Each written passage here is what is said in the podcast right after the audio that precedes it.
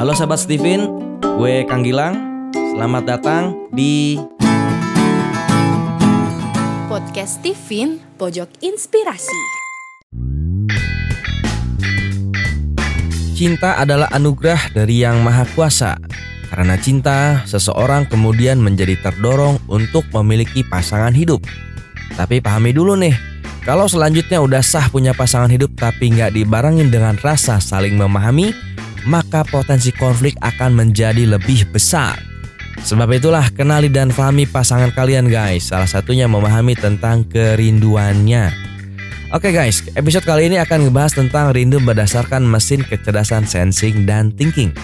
Langsung aja nih kita dengerin penjelasannya dari Miss Hidai berikut ini. Ternyata rindu itu macem-macem loh. Kalau kita lihat dari Steven nih, rindu itu setiap orang akan terasa berbeda. Nih kalau orang sensing, orang sensing itu orang yang terbiasa dengan habits. Jadi kalau orang sensing tuh kecenderungan kecenderungannya rindu itu kalau dia justru karena terlalu sering ketemu jadi sering ketemu kemudian dia terpaksa dipisahkan gitu kan nah di saat pisah itulah rindu banget uh.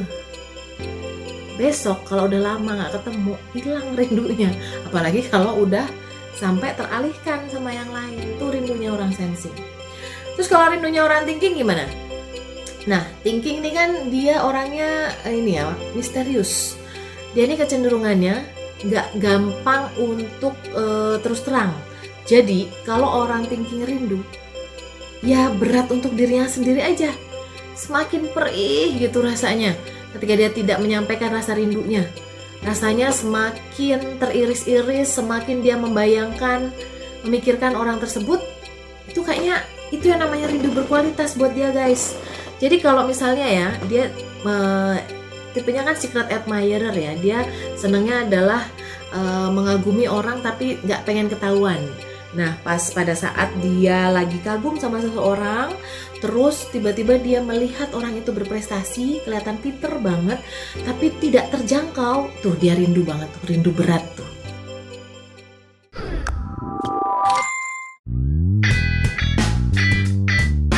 Balik lagi sama gue, Kang Gilang, si manusia ajib baik hati, hangat, dan bersahabat. Gimana guys? Asik kan?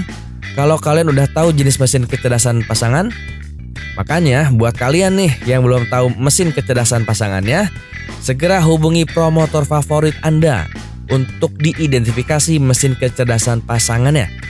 Oke guys, ngomongin tentang rindu, hal itu berkaitan banget sama dorongan diri ingin ketemu jadi yang biasanya sosok pasangan ada bersama kita, kemudian karena suatu urusan, kondisi itu harus terpisahkan oleh jarak untuk beberapa waktu.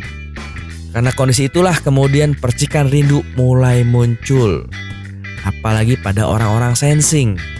Secara orang sensing itu kan cenderung mengandalkan panca indera, terutama mata. Jadi ketika pasangan yang nggak ada dalam jangkauan penglihatan, apalagi kalau itu berlangsung dalam waktu yang dianggapnya lama, maka di situlah rasa rindu mulai cenat-cenut. Nah, kalau pada orang thinking, sebagaimana yang udah dijelasin sama Miss Day barusan, bahwa orang thinking itu cenderung penuh misteri, gak mau mengutarakan kerinduannya. Nah, terkadang hal itu disebabkan karena adanya rasa gengsi. Kalau berdasarkan hasil pengamatan gue, biasanya ada aja orang thinking yang mengutarakan kerinduannya dengan membuat-buat kepentingan sehingga pertemuan yang terjadi itu seolah-olah karena adanya suatu keperluan, padahal sebetulnya dirinya rindu pengen ketemu. Gitu guys. Oke, nantikan terus inspirasi-inspirasi selanjutnya di podcast Steven. Podcast Steven, pojok inspirasi.